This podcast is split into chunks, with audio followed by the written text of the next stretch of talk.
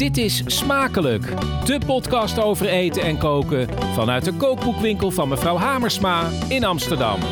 En daar, dicht bij het fornuis, zit uw gastvrouw Petra Possel. Dag lieve luisteraars, we zitten op onze vertrouwde plek tussen de kookboeken en de wijnflessen in kookboekenwinkel mevrouw Hamersma. En dat is in de Amsterdamse Pijp. Nou, er wordt natuurlijk gekookt, geproefd, gedronken. En thuis kun je ook meedoen door een recept in te sturen. Dat recept dat, dat moet een, een warme jeugdherinneringen zijn, een jeugdgerecht. Heb jij die warme herinneringen aan een jeugdgerecht? Mogen ook gewoon spruitjes zijn. Sommige kinderen vinden dat lekker. Uh, Keukenprins Pieter gaat dat dan uitvoeren. Stuur het naar smakelijkpodcast.gmail.com. Nou, Keukenprins Pieter is er. Hij kijkt heel serieus. Wordt het ook heel serieus, Pieter? Ja, ik heb een serieuze kijk op mijn werk. Uh, het is uh, vooral heel spannend en leuk vandaag. Spannend en leuk. Dat is heel leuk. Ik zag je aan het worstelen met een, met een wok. Dus er wordt gewokt. Zoveel is zeker. Ja, er wordt nou gewokt, gewokt, gewokt. Daar komen we zeker over te spreken. Je vat het wel heel erg kort samen. En er kwam ook nog een, een vijzel aan te passen. Wokken en vijzelen. Kok en eetschrijver Noni Kooiman is de gast. Eerder schreef jij het uh, kookboek Sweeties Ranan. Dat vond ik heel mooi. Dank je. Met die prachtige kleuren. Ja. Je bent meteen in de tropen als je dat... dat uh, was de bedoeling. Ja, nou, dat is goed gelukt. Je maakte ook samen met Jonah Freud een boek over inmaken. Ja. Van jou verscheen nu de Wok-bijbel. En daar gaan we het zo over hebben. Maar eerst, jij werkte vroeger... Wij maakten net voor, voor deze opname een, een lijstje van restaurants in Amsterdam... waar je allemaal gewerkt hebt. Toen vielen namen als Toscanini, De Plantage, De Klepel allemaal gerenommeerde restaurants. Had jij zo'n soort van. Ik had een boekje, een afspraak. Nee, het is denk ik gewoon als je dan op zo'n plek werkt, dat je dan de mensen leert kennen die op de andere plek. Ja, dan, dan uh, schuif je een beetje door of zo. En dat, dan, dan word je getipt en dan... Ja, of dan wil je weer ergens anders werken en dan kom je daar vaak en dan ken je daar iemand en dan vraag je of je mag en dan uh, kom je een dagje meelopen en dan is het gezellig en leuk en uh, ja. ja. dan ga je daar aan de slag. Dat is echt buffelen om in een uh, restaurantkeuken te staan, dat weet iedereen. Ja. Inmiddels ben je ook bijvoorbeeld moeder van twee kinderen geworden. Ook buffelen. Ook buffelen. Anders buffelen. Ja. nou, hoe, hoe, hoe verhouden die twee zich tot elkaar? Dat buffelen enerzijds en dat buffelen in de keuken. Nou, Doe je dat nog? Nou, toen ik, toen ik zwanger was van mijn eerste dochter, toen uh, werkte ik nog in de keuken. Uh, maar toen bedacht ik me al best wel snel dat dat iets is wat ik niet per se wilde combineren. Fulltime in de keuken werken en een kind ja. hebben. Want s'nachts thuiskomen. Ja, het ritme van een kok is niet het ritme van de rest van de wereld. Nee. Dus dat is gewoon heel lastig combineren. Mensen doen het natuurlijk en dat vind ik heel knap, maar het was niet iets wat ik graag wilde. Nee. Um, dus toen um, ben ik andere wegen en manieren gaan zoeken om uh, toch met eten te kunnen werken. Maar dan s ochtends vroeg in plaats van s avonds laat. Ja, dus je bent nu ontbijt, uh, ontbijt. bij in het bejaardenhuis? Ja, of? ook leuk. Nee, dat is ook zoiets. Dat heb ik natuurlijk wel bedacht ook. Kan ik niet een leuke plek vinden waar je dan ja. lunch kan doen. Maar dat, ja, dat is misschien nu wel wat iets meer zo lang geleden. Maar lunch is in Nederland maar het is heel gewoon moeilijk, niet. hè? Het is gewoon niet zo nee. leuk. Nee. Nee, er zit niet die koorts op, nee. op de lunch. Nee. De lunch is toch nog steeds dat glas melk en dat broodje. Het, kan, het is ja, jammer, helaas. helaas. En sommige plekken doen het natuurlijk wel, maar dat zijn ook vaak plekken die het dan combineren. Dus dan moet je echt nog langere dagen maken. Dan begin je gewoon s ochtends vroeg tot... Ja. De, de, dus dat was ook dat niet ook een helemaal, optie. Nee, nee, nee. Um, Ik heb net trouwens uh, uh, Karin van Munster... Ja. Mijn, mijn culinaire vriendin Karin van Munster uitgenodigd om te gaan lunchen. Nota bene bij Toscanini. Om, ja, om dat is nou dus dan wel weer een goede Ja, daar kan je optie. het weekend gewoon lunchen. Toscanini in Amsterdam. En toen dacht ik, dat lijkt mij nou zo leuk, want dan gaan we wijn drinken. Dan hoeven we maar twee glazen te drinken om gewoon uh, het gevoel te hebben dat we in het paradijs zijn. Vooral door de gerechten die erbij komen. Ja, Daar heb je ook wel zin in, en hè? dicht bij huis ook belangrijk. Dicht bij huis, precies. Ja, Jij, ik vind jij uit lunchen, zo naartoe. Ik vind uit lunchen gaan ook veel feestelijker eigenlijk dan uit dineren. Ja, ja, en ik heb ook uitgevogeld dat het dus past binnen een dieet van intermittent fasten. Oh, perfect. Oh, dus Dat als willen je we allemaal. Als je tussen 12 en 8 luncht en wijn drinkt, is er niks aan de hand. Daarna, En dan daarvoor? slaat een meter door. Ja, ja nee, dit is heel handig. Goed idee. Karin eh, van Munster, jij bent voormalig dame reiziger. Back on track. Yes. En we gaan het met jou hebben over kookboekenschrijver Donna Hay. Zij is de meest beroemde kookboekenschrijver, geloof ik, ter wereld. Ze heeft Ja, er meer zij- dan 7 miljoen of zoiets ja, verkocht. zij zit wel in het rijtje Nigella Lawson en eh, Jamie Oliver. Ja, Alleen komt ze uit Australië. En eh, Precies, ja, daar, daar heb je wel een beetje een eh, achterstand mee, denk ik, in eh, Europa. Oh, dit zet al lekker de Ja. toon. We krijgen iemand die eigenlijk een klein beetje achter is, maar desondanks een heel groot doet reuze de Nee, hoor. Is En ik ben net vriendin met haar geworden op Instagram, dus hartelijk dank. Ze kookt, haar succes is simpel. Ben jij zelf ook eigenlijk iemand die graag opteert voor de meest simpele oplossingen om tot het grootste resultaat te komen? Ja, ik moet bekennen van wel. Ja, ik zou liever anders willen zeggen dat ik een echte keukenprinses ben, maar dat ben ik helemaal niet. Ik ben wel heel erg gecharmeerd van haar idee van een basisrecept en eh, wat ga je daarvoor, wat kun je daar allemaal, eh, Ja. hoe kun je dat opleuken? Ja. En daar gaan we straks ook iets van meemaken, want ze heeft een klassieker uit 2016. En daar is nu een nieuwe bijgekomen. Daar zit tussen een jaartje of eh 7, 8 eh, bij. Hij is, allebei zijn ze in vertaling verschenen in Nederland. En daar gaan we het over hebben. Maar eerst Noni natuurlijk. Want we gaan het hebben over de Wokbijbel. En zoals de titel al doet vermoeden, gaat dit over wokgerechten. Jij schrijft in het voorwoord, en dat vind ik een hele mooie zin voor op een tegeltje. Een wok is geen land. Nee. En die zin die refereert aan dat jij twijfel had of jij wel de Wokbijbel moest schrijven. Ja, dat klopt. Ehm, ja, in Azië wordt natuurlijk gewokt. In allerlei verschillende Aziatische landen staat er eh, een wok op het vuur overal. En ehm, ik, ben, ik kom niet uit een van die landen. Ik ben geboren in Amsterdam en mijn vader in Suriname. Mijn moeder in Holte. Ehm, In Holte ja. heb je echt hele grote wokmogelijkheden. ja, dat weet ik gewoon. Wokken Ik kom namelijk ook uit die buurt. Oh ja? ja. Op het hoogste En- niveau. En overigens, eh Karin Vermutsen, die kent Holten ook Ja, wel. de Holterberg. De eh, Holterberg, Pieter, eh, Ja. aan de Holterberg. Nee, maar goed, daar werd matig gewokt in Holte. Ja, ik ben daar zelf eh, niet zo heel vaak geweest hoor. Maar goed, mijn moeder is er geboren. Ik ben in Amsterdam opgegroeid. Dus ik vond het eigenlijk, voelde het een beetje raar om dan een boek te gaan maken met allemaal Aziatische recepten. Maar ik ehm Je bent, graag. over, je bent toch overstag gegaan. Ik ben toch overstag gegaan, want een wok is geen land. Een wok is geen land. Maar Dus, ik dacht eh, meteen, je, je hebt gewoon Surinaamse roots. Eh, en in Suriname wordt wel heel veel gewokt. Net Nou- zoals in, de, in, in de Cariep, de rest van de Cariep. Ja, het wordt ook vaak als een frituur gebruikt in Suriname. Nou ja, maar het is een wok. Absoluut. Ja, ja de, de wok als hoofddeksel wordt ook... Nee, nee, maar ik bedoel gewoon ook te zeggen... de Aziatische eh, mix. hè, Die zit dus- ook overal. Ja, het is een melting pot, toch? Ja, en ik, en, eh, ik heb ook uit dat, ja, in dat boek staan allemaal recepten die geïnspireerd zijn op heel veel verschillende landen waar wordt gewokt. Dus ik heb Ja. het een beetje samengevoegd en aangepast en eh, ehm, ja, dingen bij verzonnen.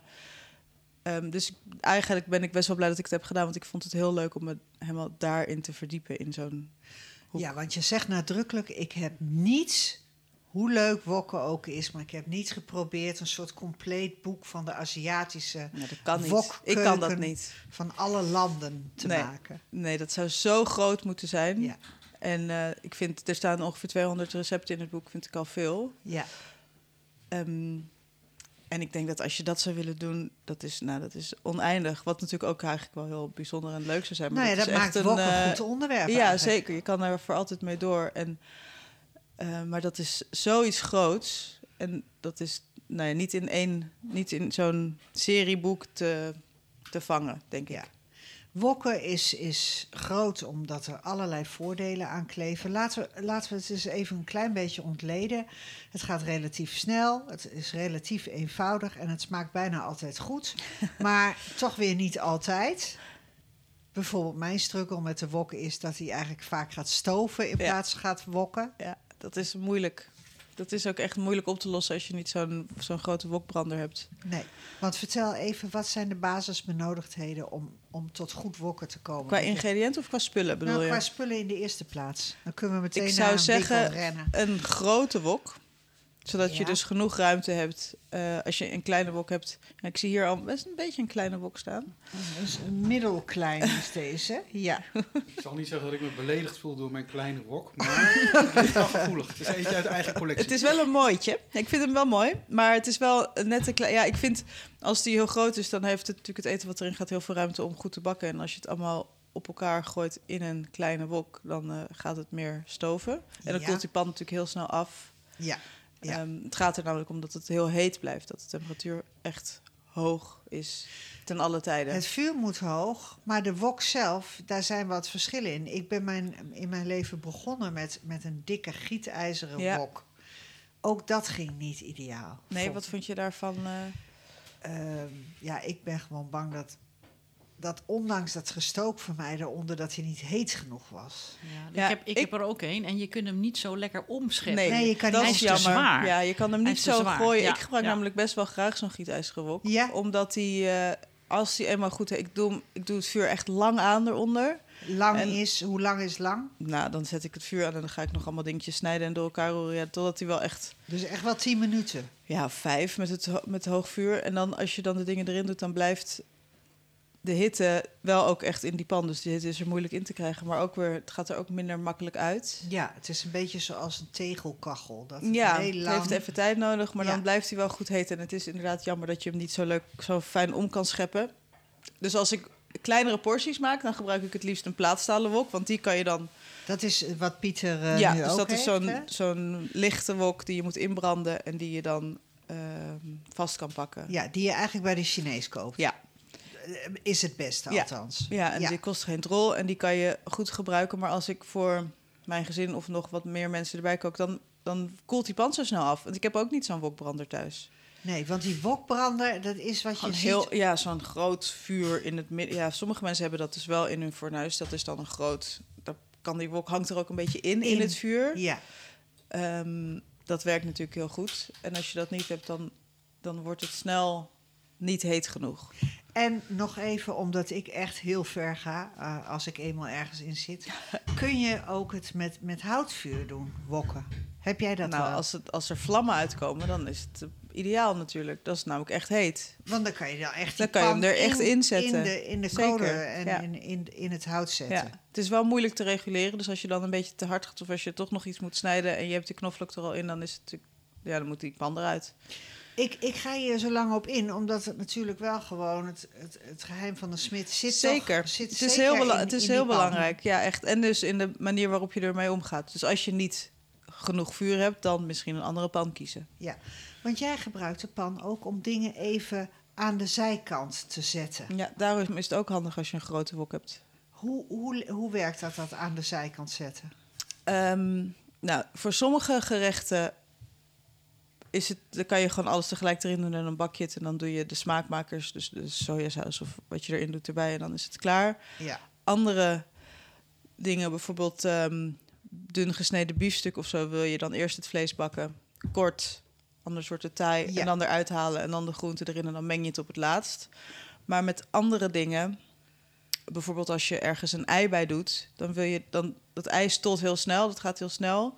Dus je hoeft niet de groente die je daarvoor hebt gebakken helemaal eruit te scheppen, maar als je ze heel even aan de kant schuift, dan kan het toch op zichzelf garen zonder dat het helemaal er doorheen mengt, dat alles plakkerig wordt van het Ja. ei en dan laat je dat even bakken op zijn eigen plekje in en de je wok brengt hem daarna weer en daarna breng je het weer samen. eigenlijk. Ja, Ja, je houdt hem de hele tijd op het vuur. je houdt hem wel op het vuur, maar Ja. je zet hem niet in het hart van de hitte. Ja, jawel. Alleen je Ook. schuift de, de ingrediënten die in de wok zitten aan de kant. En ik dan heb doe je dit er. nog nooit gedaan, dat Nee? hoor je. Nee. Ja, nee. nee. Dan doe je er iets anders bij. Bijvoorbeeld dus een geklutst eitje. Of, eh, Maar dan is het ook handig als je hem zelf, als je hem een beetje schuin kunt zetten. hè? zeker. Als je hem Zoals kan met bewegen. zo'n hendel, eh, Ja. wat, waar Pieter nu mee Ja. kookt, zo'n handvat. Ja, dat is Ja. natuurlijk het En handig. als je zo'n gietijzeren, daarom Snap, jij dit Jij ook snapt niet? mij.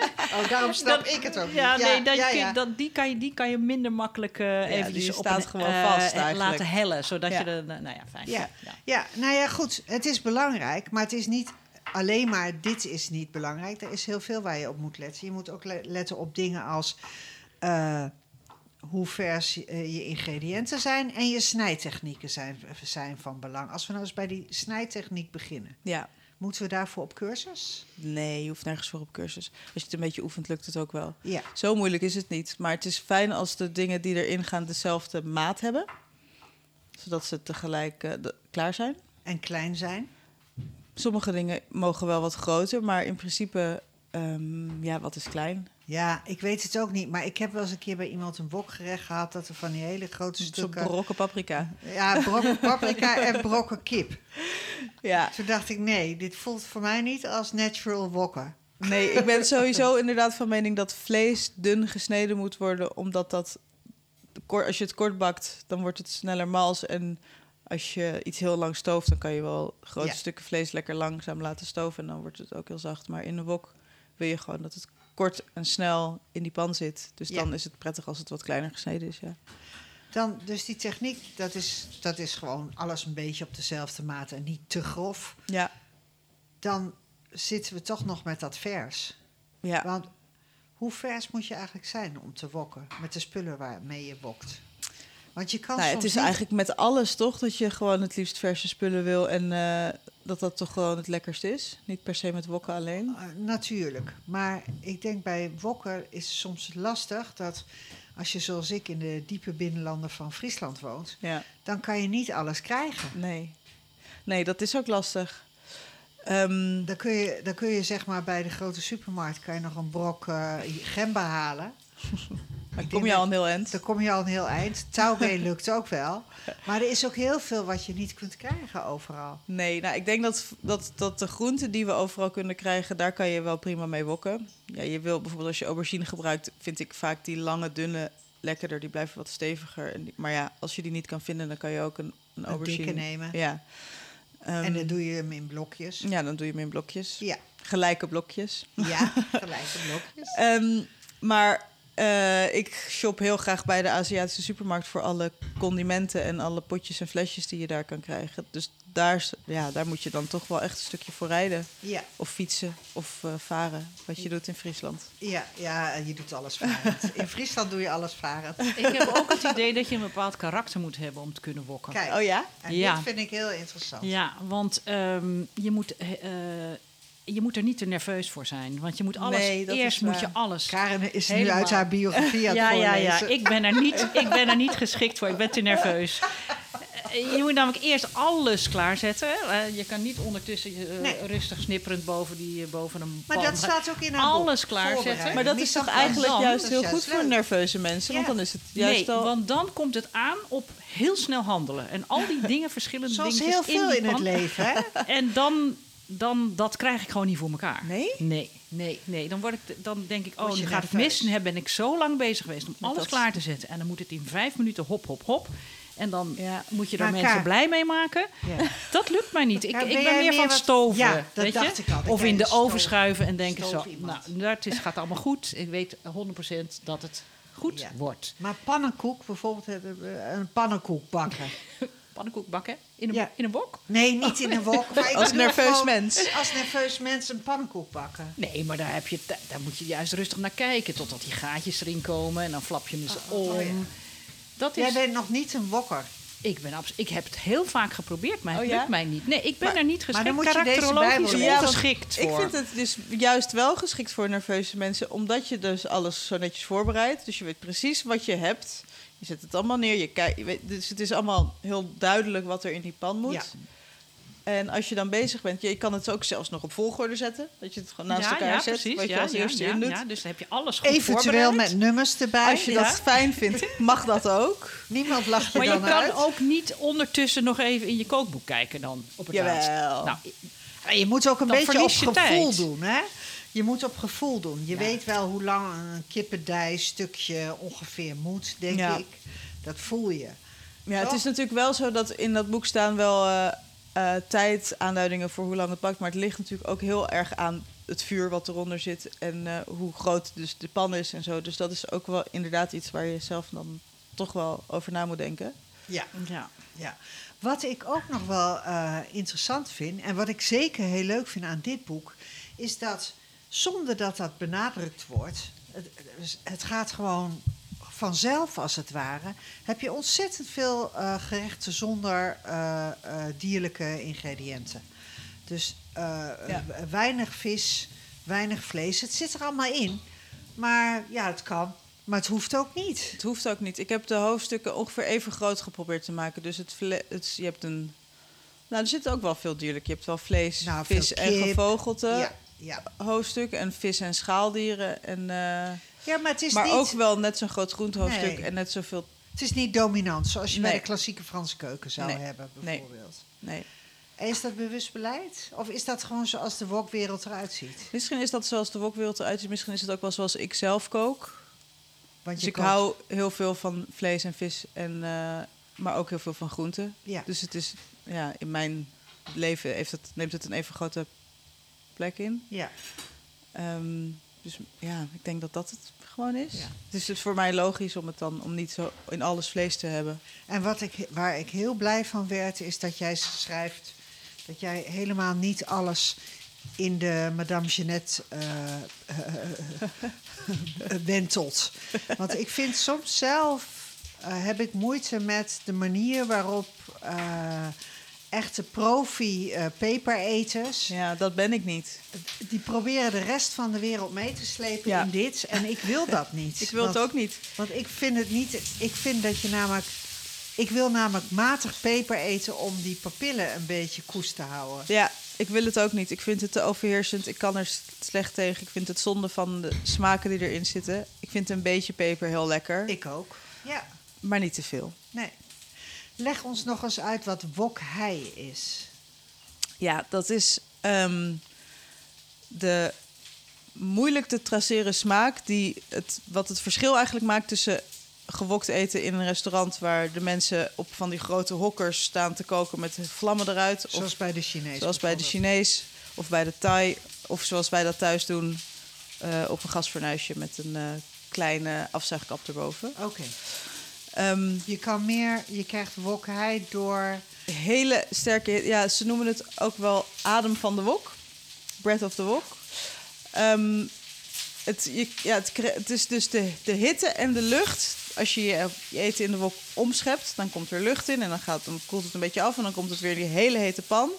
En wat er dan gebeurt, is een soort smaak die je niet echt proeft. Maar als je het naast elkaar zou proeven, proef je dus wel dat verschil. En, en, en probeer het eens te omschrijven wat je dan proeft. Ja, het is heel, ik vind het lastig te omschrijven. Het is wat... ehm, is het een beetje het verschil Nou, tussen umami en niet-umami? Misschien, maar dat is wel duidelijker. Maar het is wel een beetje die kant op. Het is een soort hartigheid en een soort. Ja, ik vind het heel lastig te omschrijven. Ik heb bij, bij Chinees eten wel eens het idee gehad dat.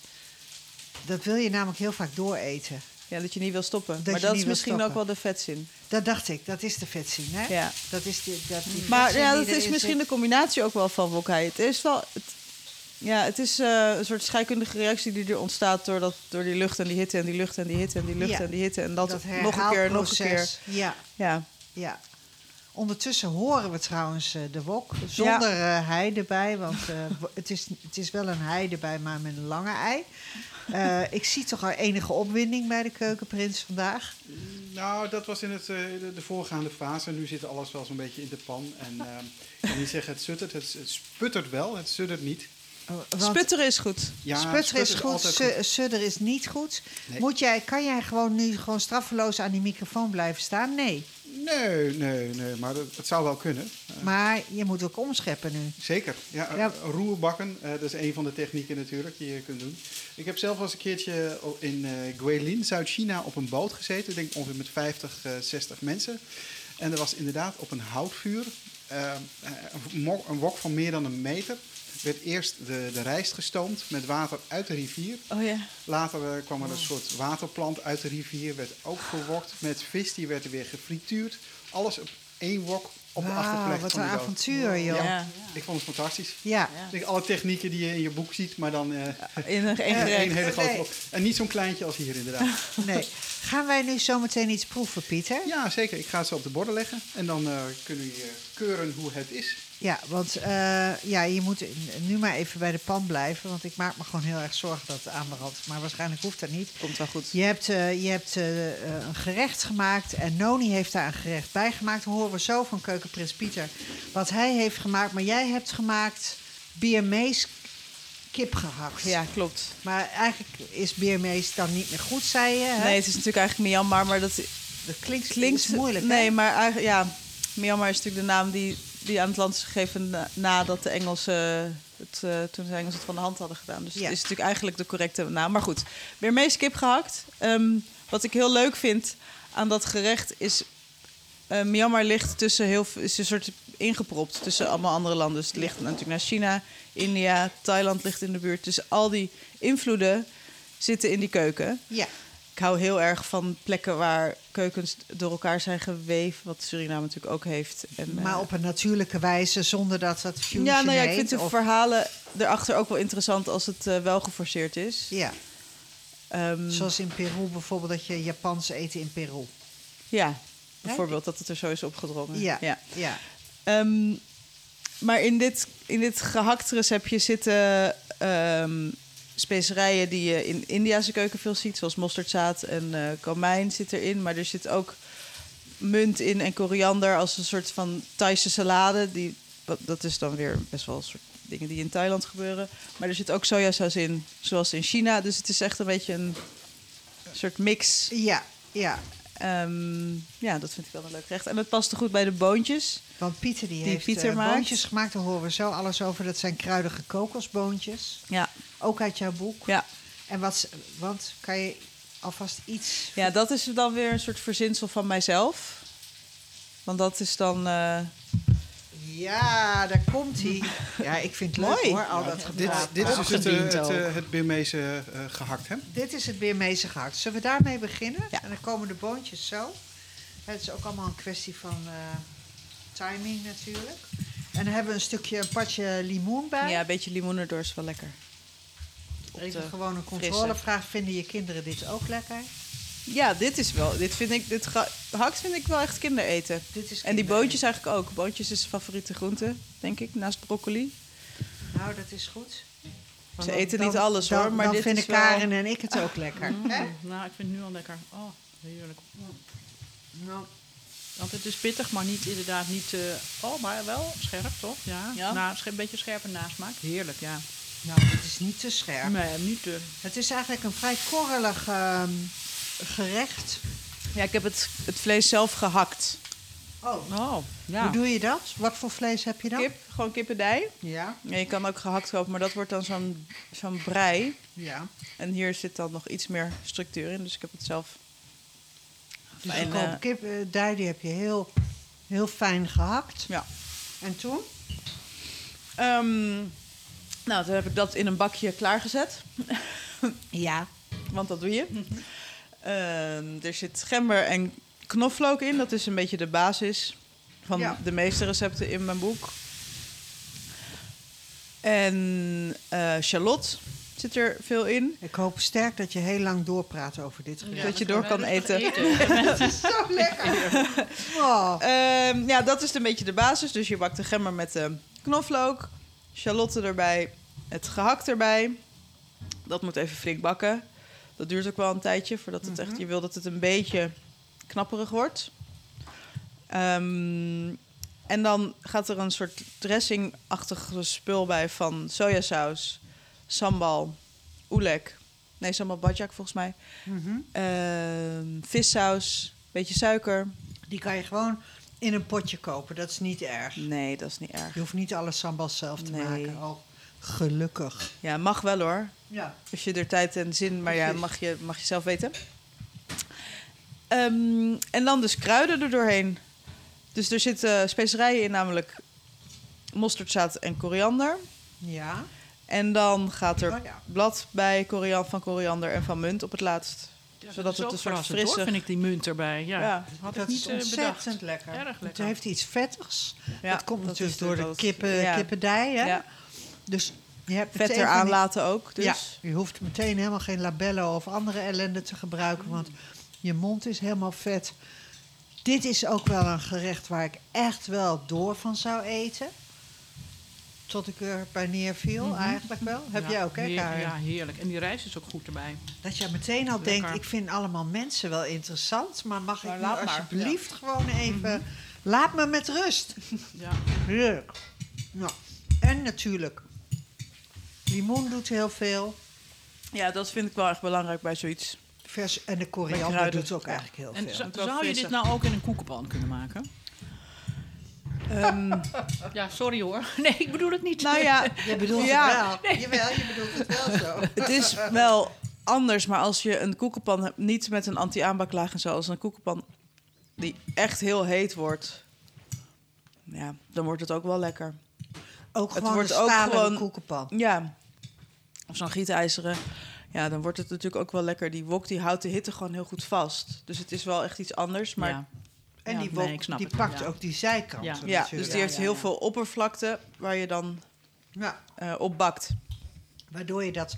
Nou, en nu krijgen we het tweede gerecht. En dat heeft Pieter gemaakt. Dat komt uit jouw boek. Dan gaan we gewoon, gewoon in één streep door, Pieter. Daar heb het gemaakt eh, boontjes. Kruidige ko- eh, kokosboontjes. Toen dacht ik trouwens meteen aan... bij rendang. Maar goed, Ja. Eh, dat is, eh, nou ja, het dat is is wel een- logisch. eh, dat is, eh, ja, er zit ook heel veel kokos in en geraspte kokos. Eh, Je hebt helemaal een kleur trouwens. Van je de hebt keihard, keihard gewerkt, man. Keihard dat is waarschijnlijk eh, ook omdat ik nu bedenk dat ik de geraspte kokos ben vergeten erin te doen. Dat is natuurlijk enorm. Oh jee. Echt waar? Ja. Ja. Ja, Dit ja, heb ja, jij nooit, Je, zegt het. Nee, want eh, het stond ook niet allemaal op één rij. Ehm, Daar ga je al. Je had ook geen nummertjes gedaan? Kan dat nee, nog dat uh, hoeft niet. Ik kan een beetje geraspte kokos. Maar je zei rendang en toen moest ik inderdaad aan denken. Kokosmelk en gera- geraspte kokos. Maar had die kokos ook mee moeten wokken? Nou, die, ik zie dat hij hem eerst heeft gebakken. Dat is correct. Oké. Gelukkig is het eh, correct Dus het- voorbereid. en dan is het nu Het is te overzien, ja, Roeren. de schade. Oké, nou dan gaan we gauw... Ja. dan Je gaan natuurlijk we altijd, gauw- eh, kok zegt altijd, nee, dat hoort zo, hè, als ze een kritiek krijgt op een eh, bepaald gerecht. Ja, nee, maar in maar het goed. geval van de maker is dat een beetje lastig als die er bovenop zit. We zitten, we zitten hier echt live bij, bij de ondergang van de keukenprins. Nee, Zeker. keukenprins. Want je had het helemaal goed voorbereid. Maar is dit dan ook meer Indonesisch? Nou, dit is dan, een soort of- verzinsel van mezelf. Oh, Oké.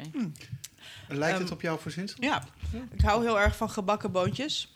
Als ik Mhm. thuis boontjes maak, dan kook ik ze meestal niet, maar dan bak ik ze. En soms doe ik er een scheutje water bij. hebben. Ja, Ja. als het eh, te hard gaat, doe ik er een scheutje water bij, maar dan, ja, blijft het lekker knapperig. Ehm, en nu hier zit dan een beetje water in, maar ook kokos om het, nog, nog eh, extra garing te geven. ja. Ja, wat ik interessant vind is dat je zegt van nou, je vo- voegt twee vloeistoffen aan het einde toe. Kokosmelk en water. Ja, En het is klaar als het verdampt is. Dus het kan snel zijn als het vuur heel hoog gaat. Of Ja. het duurt wat langer als het vuur iets lager is. Of je hebt gewoon een kleinere vlam. Ja. Dus dat is de, de, de boontjes gingen er rauw in. Dus. De- ja, ja, ja de, de eerste stap is zeg nou eh, eh, roerbak drie minuten. Roerbak drie minuten met iets anders. De volgende fase als de, de, de boontjes erbij gaan. En dan de laatste fase, als het vocht verdampt is, is het klaar. Dat heb je bijvoorbeeld ook wel eens met rijst koken. Dat is ook een manier. Doe je dat niet op tijd, maar dan kijk je gewoon of het vocht verdampt is. Ik vind het heel lekker, vooral ook omdat die crisp, dat knapperige van de boontjes, is gewoon volledig bewaard gebleven door het wokproces. Ja. En ook dat je ze rauw natuurlijk gebruikt. ja. En ik vind dat er ook een, een bijzondere smaak aan zit die ik niet goed kan duiden. Ja, misschien komt dat door. eh, er komt, de, de hoestbui komt eh, door. Nou, dat kan niet door de peper komen. Er zit een, eh, een groen pepertje in zonder de, de zaadlijst en de zaadjes. Maar misschien door de specerijen, kruidnagel. eh, Kruidnagel. Ja, koriander, komijn, fijn gemalen, geroosterd eerst. En dan, eh, dat zie je natuurlijk ook in de Indonesische keuken. Ja, de hele VOC eh, komt ja, voorbij. erin, Ja. ja. Ja. ja. Leuk of niet, het is wel gebeurd. Ja.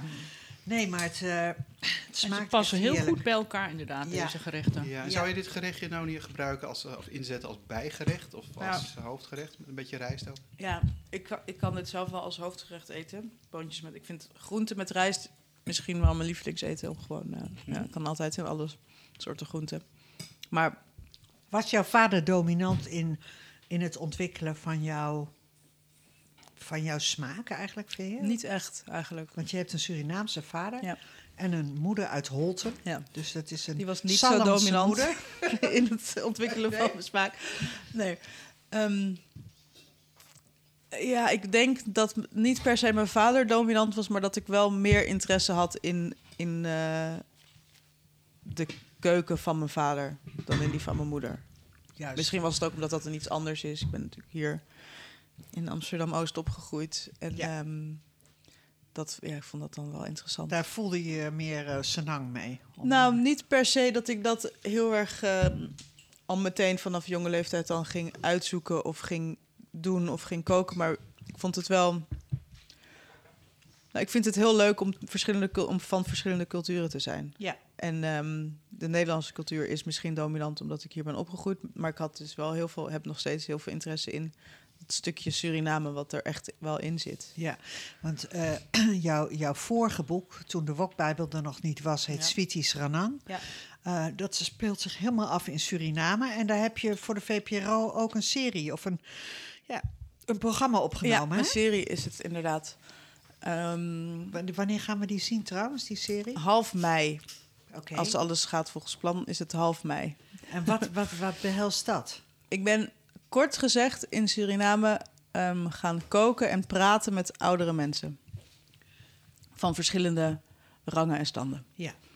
Ja, en culturen en uh, bevolkingsgroepen. Dus ik ben in Suriname met zes mensen. In Schranang of, of in Nederlands? In het Nederlands. In het Nederlands. Ja. Er is één mevrouw die spreekt geen Nederlands. Um, en daar heb ik een soort half Surinaams, half Nederlands gesprek mee. Daar spreek ik Ja. Nederlands tegen en zij spreekt dan Schranang terug. Ja.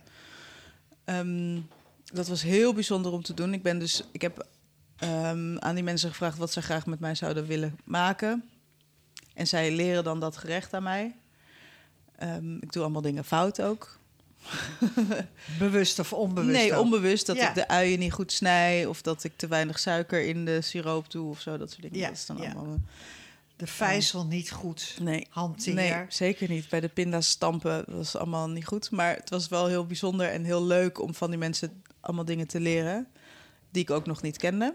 En zij vertellen onderwijl eh, over hun eetcultuur. Ja, en over hun leven ook wel. Dus Ja. ook over hun voorouders en waarom ze naar Suriname zijn gekomen überhaupt. De mensen die... eh, Ja. ja, er zijn in Suriname natuurlijk mensen uit China en Indië, Heel Indonesië veel, heel en. India Ja, en eh, Europa en alles. Dus het is... er zitten heel veel verhalen in die heel persoonlijk zijn, maar daardoor ook een heel, heel goed beeld geven van de Surinaamse gemeenschap in zijn algeheelheid.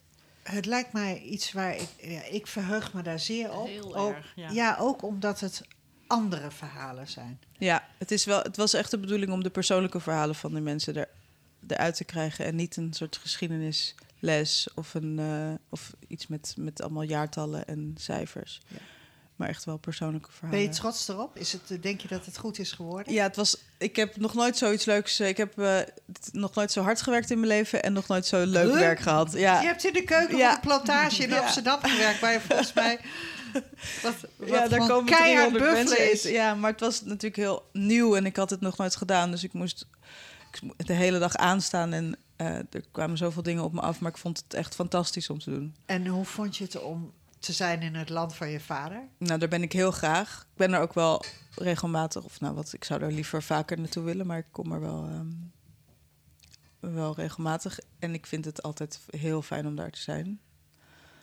Ehm, maar ik vond het ook wel heel leuk om nu dan echt zo'n project daar te doen. Ja, ja, dat je er aan het werk bent. Ja, en met mensen die daar wonen en, eh, en bij mensen thuis. Nou, misschien ga je een keer met de wok onder je arm naar Suriname. Lijkt Ja. mij ook een fijn huwelijk.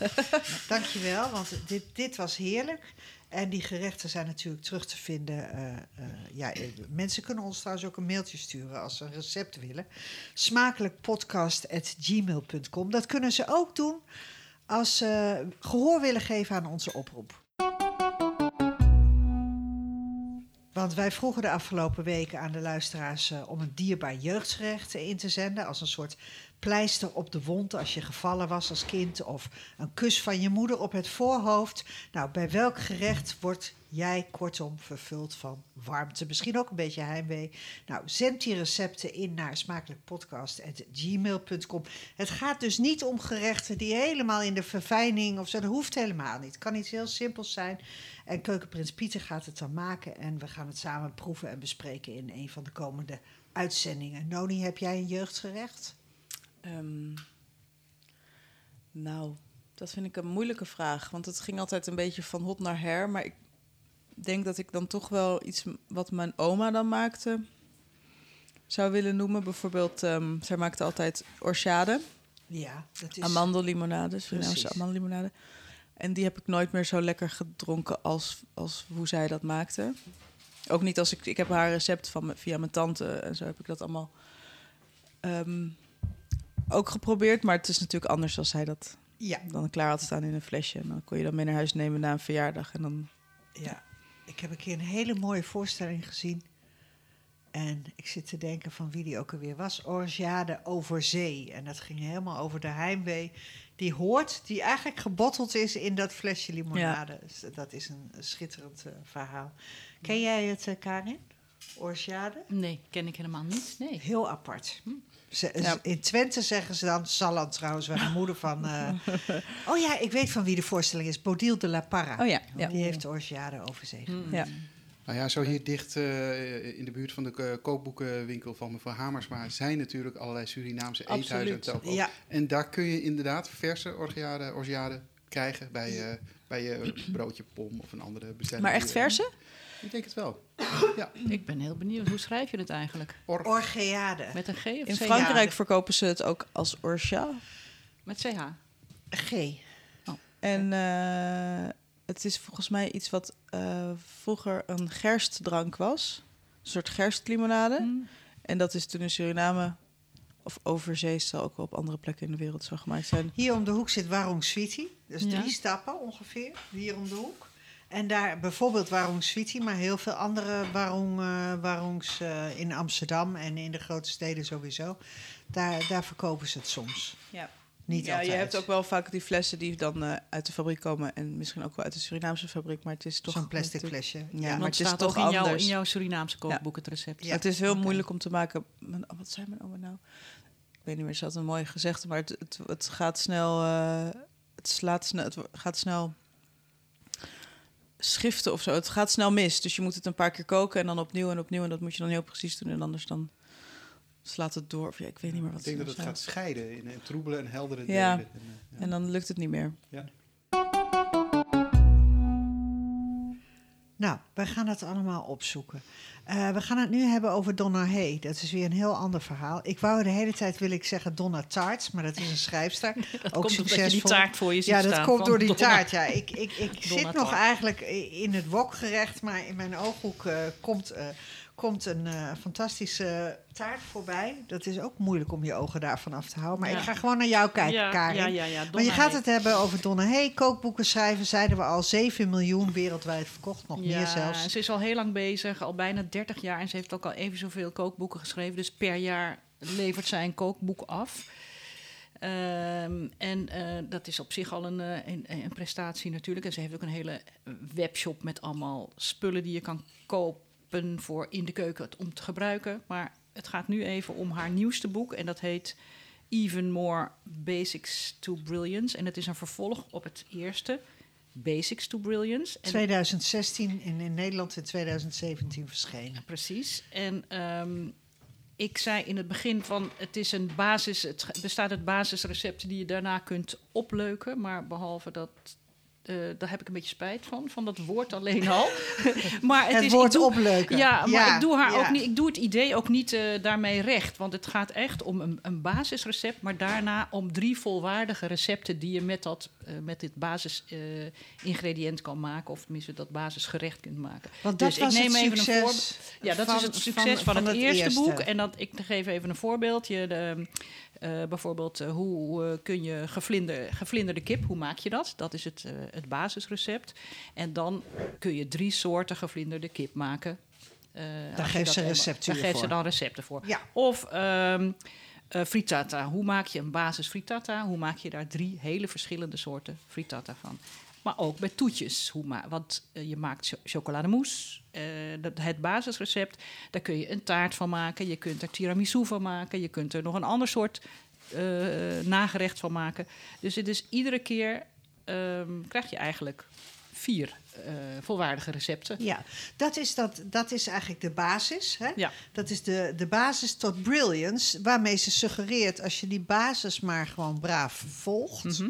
dan komt er iets briljants uit. Dat was toen, 2016, Nou, 17. ja, dat is, dat is hetzelfde. Het is meer van hetzelfde. Dit boek is echt letterlijk meer van hetzelfde. Het is ehm, eh, steeds weer zo'n basisrecept, maar je kunt ook het basisrecept eh, op zich eh, zien hoor. Ik Ook Ja. maken. En dat is ook, ook lekker. Maar je kan er dan nog. Eh, je kunt er meer bij doen. Het is efficiënt koken. Ook dat, daar heeft het ook mee te maken. Dat vind jij leuk. Dat vind ik leuk, zeker. En, En word jij ehm, niet zenuwachtig van? Nee, helemaal. Nee, nee dit Hier is nou een boek niet- waar ik heel rustig van word. Ja, ja, ja. grappig. Zeg, ik zou daar Ja. heel zenuwachtig van Nee. worden. Ik Nee. word van die wok niet zenuwachtig. Nee, Kijk, en het, het, nieuwe, het nieuwe boek heeft wel, eh, ik zeg het is meer van hetzelfde. Dat, dat is ook zo. Maar er zit bijvoorbeeld wel iets leuks bij. Na zeven jaar hebben we natuurlijk allemaal QR-codes. En dat is in dit boek ook. Oh ja. Je kunt ehm, zien hoe de recepten gemaakt worden. Je krijgt filmpjes als je je Van telefoon alle op zo'n- recepten. Eh, nee, van de basisrecepten. Oh ja. Wel Dus dat zijn er best heel veel. Ja. En dat is wel heel fijn. Instructiefilmpjes, Hartstikke leuk. daar heb je echt iets Ja. aan, hè? Ja. En dan zie je haar ook aan het werk, wat, ook, eh, wat natuurlijk ook leuk is. Ehm, dus dat, dat is een, een, een, ehm, een belangrijke toevoeging aan dat nieuwe boek. Het ziet er ook weer heel mooi uit, want Donna Hay is ook echt ehm, bekend en beroemd geworden door haar vormgeving. Ze En wat ook, is daar nou zo bijzonder aan? Ehm, nou, dat, ehm, kijk, omdat ze zo al lang bezig is, is bijna, kun je bijna van niks meer zeggen van dat is bijzonder, want dit is allemaal honderd keer nagedaan. Maar zij in het begin eh, ging ze haar recepten op een hele witte ondergrond laten zien. En dat was toen nieuw, want toen deden we met servetjes en strikjes. gingen we de tafel dekken. Gingen we de tafel dekken en hoe meer leukigheid eromheen, hoe gezelliger en hoe mooi het eruit kwam. Zij was de eerste die begon met hele, hele strakke vormgeving onder de, onder Back de to gerechten. basic. Precies. Nou, inmiddels is ze daar ook alweer een, heeft ze ook alweer boeken gemaakt die dat weer helemaal nieuw niet hebben. En eh, deze beide boeken hebben nu als ondergrond een soort hele donkere, zwarte, blauwige. Lijkt net alsof het een aanrecht is op een aanrecht. Heel donker. Ja. En dat is ook weer, dat heb ik nog ni- niet in andere boeken gezien. Ziet er heel goed uit. En alles.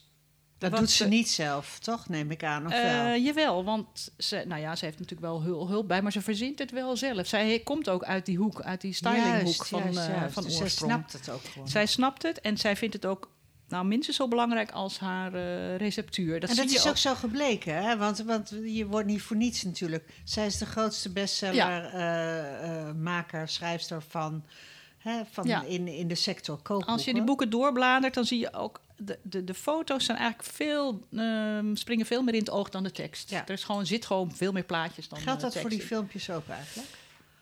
Ehm, Vind jij die... nee, die zijn wel instructief. instructief? Ja, die zijn vooral eh, instructief. Ja, ja, ja, instructief. En we zien haar dan ook? Ja, ja, ja. Dus zij heeft ze allemaal gemaakt. Dat, ja, nee, ze heeft ze zeker, zeker allemaal gemaakt. Dat is, zo, dat is ook leuk.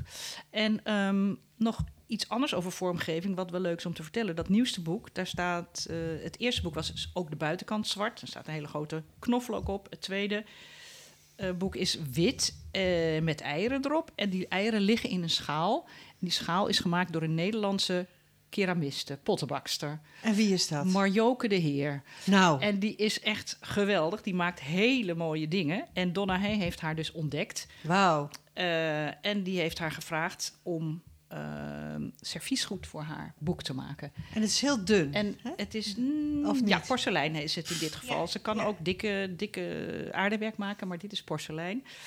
En ik vroeg haar, eh Marjoke de Heer, vroeg ik... Wat, heb, wat heeft je dan eh, geïnspireerd in die boeken van... in dat nieuwe boek van Donna Hay? En zij zei, het is vaak heel lobbig, romig wat ze maakt. Het, het, ga- eh, op die foto's zie je veel textuur van de, van de ingrediënten. En daar heeft ze bij willen aansluiten. Dus je ziet soms ook een, een bord waarin zo'n draai in zit, in, Ja, in de klei. En dat de past beweging. ja, de beweging. Dat ziet er heel mooi uit. Dus ehm, ja, ook in dit geval is de vormgeving weer eh, heel, heel belangrijk. Ja. Snap jij, voel jij... Hè, want bijvoorbeeld bij Nigella Lawson, daar, daar hebben heel veel mensen in de culinaire wereld best kattig over gedaan. En ze deed natuurlijk ook wel best wel rare dingen. Ze steekt de neus in dingen waar je beter niet de met je neus in kan zitten, bijvoorbeeld. Toen ging ze in één keer vermageren. Dat vond ik ook echt gewoon bedreigend, vond ik dat zelf persoonlijk. Omdat ik altijd dacht van, dat is nou iemand die doet niet aan die, eh, aan die eh, onzin. En ja hoor, toen ging zij opeens met zijn plank. Nou, misschien had het ook weer met die neus te maken. Doet er niet toe. Maar wat wel zo is, ik heb het altijd heel aantrekkelijk gevonden om eh, iets van haar te maken of te bekijken. Omdat zij zo smeuig is. Mhm. Ja. Heb, jij, heb jij gevoel bij dit? bij Donna Eh, heen? Bij Donna, hey. Ehm, Oh, nou, maar. Nee. nou, nee, maar dat is juist wel een groot verschil. Zij gooit niet haar hele persoonlijkheid in de strijd... zoals Jamie Oliver doet en zoals Nigella doet en zoals... eh, Ze houdt afstand. zij is best afstandelijk. En zij, wij weten niet veel over haar... behalve dat ze twee grote zoons heeft... die ze graag groente wil voeren. Onder, de- hè, zo, Voeren. nou ja, ze verwerkt veel groente in Af- haar gerechten... om die Afvullen met groenten. Nee, on- ongemerkt bedoel ik. Ja, hè? ja, dat die, ja. dat die eh, zoons die denken van... oeps, weer een bord groente. Nee, dan maar dat gaat ongemerkt in de... Dus dat is het e- heel... de- we, En ze heeft weten een enorm imperium en ze geeft van alles Maar uit. Verder je je is kan van niet, alles Is bestellen. zij niet een pers- pers- personality zoals we... die warmte die, die, die spreekt Helemaal nog niet. niet zelfs. Het gaat niet over nee, warmte. het gaat niet over warmte. Het past ook wel bij die witte ondergronden Ja, en zo. Het is Ja. eh, het gaat om, eh, om wat ze maakt. en Heb jij er enig, eh, enig iets bij, Noni? Ken je het werk? Of- ja, ik ken het wel. Ik, ehm, maar dat, daar houdt het een beetje op. Want jij, jij bijvoorbeeld ontwikkelt eh, onder andere ook eh, eh, receptuur voor een grote supermarkt. Ja. En dat betekent toch dat je waarschijnlijk ook best eh, heel goed eh, op de hoogte bent eh, van alle receptuur die er wereldwijd al eh, is gepubliceerd. is gemaakt. Daar moet je ook Ja, op letten, want zeker. voordat je het weet heb je een proces aan je broek. Absoluut. Ehm, en dit is natuurlijk wel iets wat... Ik vind het heel knap van iemand als Donna, maar ook van eh, Jamie Oliver en al die mensen die net genoemd werden, dat ze ehm, zo'n groot publiek kunnen bereiken met Ja. dingen die, die we gewoon wel. Het, het ziet er echt heel lekker. Ik heb er even in gebladerd, maar het ziet er wel echt goed en lekker uit. Ja. Ehm, met goede producten en goede spulletjes en dat het, er, dat het mooi en inderdaad groenten en kruiden en veel smaak. Vers.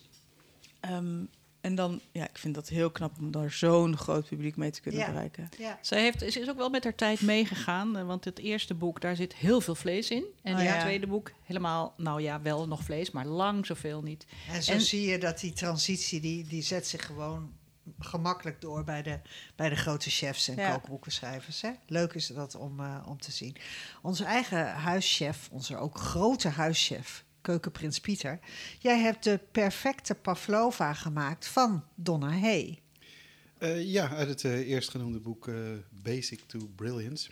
Ehm, ik heb hem gemaakt. Ik maak wel vaker pavlova's, merengues en dergelijke. Ehm, ik eh, heb het strikt volgens het, eh, de receptuur gedaan. Eh, maar ik uh, stuitte toch op één eh, ding. Een ervan was dat ik een, een tekeningetje moest maken op bakpapier van 20 centimeter. En daar de volledige hoeveelheid eh, ja, mengsel op doen. Dat werd me een toren van Babel van denk ik ongeveer 30 centimeter hoog. Ja. Ehm, een en ander ging eh, een uur in de oven volgens de instructies. Ik heb een vrij nauwkeurige oven. Ehm, en daarna eh, ja, was het eigenlijk enorm ingezakt tot eh, de hoogte die het nu is. En ehm, ja, ik denk, hoe kan het nou? Hoe kan het nou? Ik heb de receptuur nagekeken en zag bij verschillende andere eh, bakkers, nou, Rutger bakt bijvoorbeeld, van Heel Holland bakt. ook Otto Lengi, ook eh, Franse chefs, die hebben een hele andere verhouding tussen eiwit en suiker.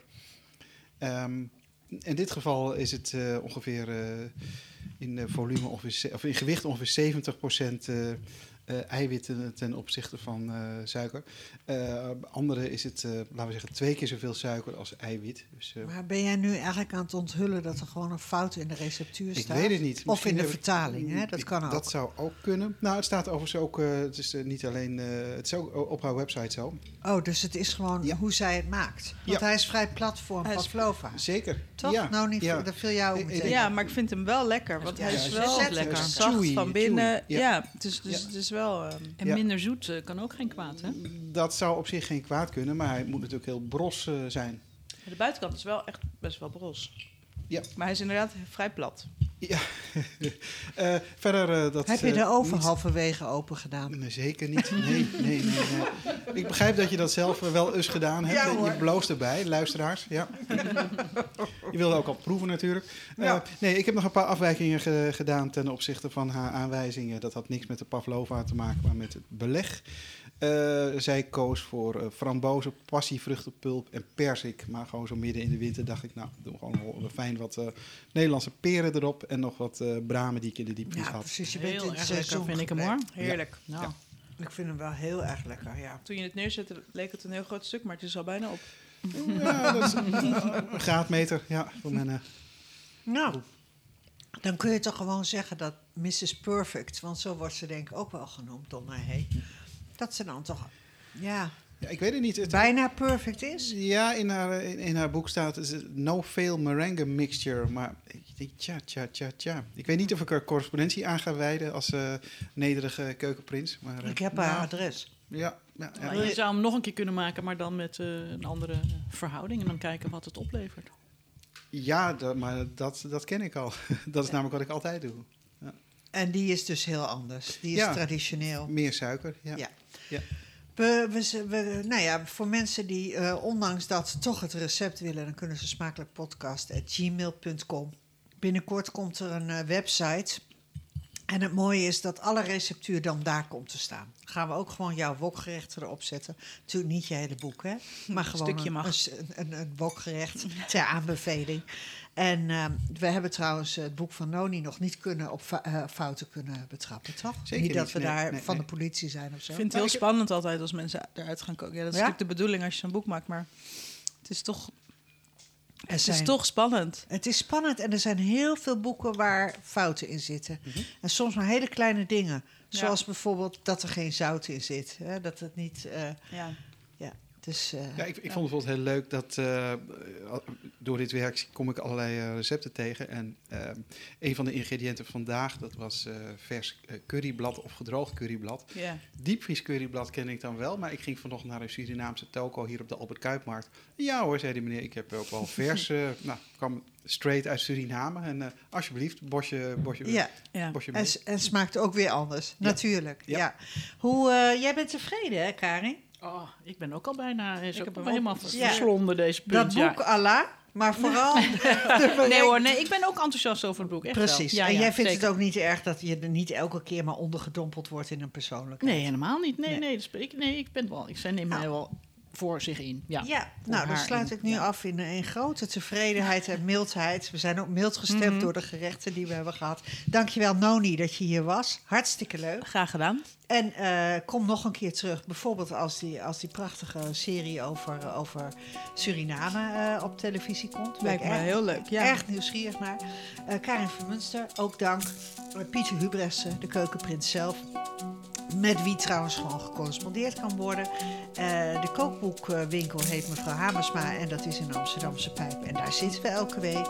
Mijn naam is Petra Possel en volgende week natuurlijk een nieuwe aflevering. Eh, stuur graag in je dierbare jeugdgerecht smakelijkpodcast.gmail.com. Tot volgende week.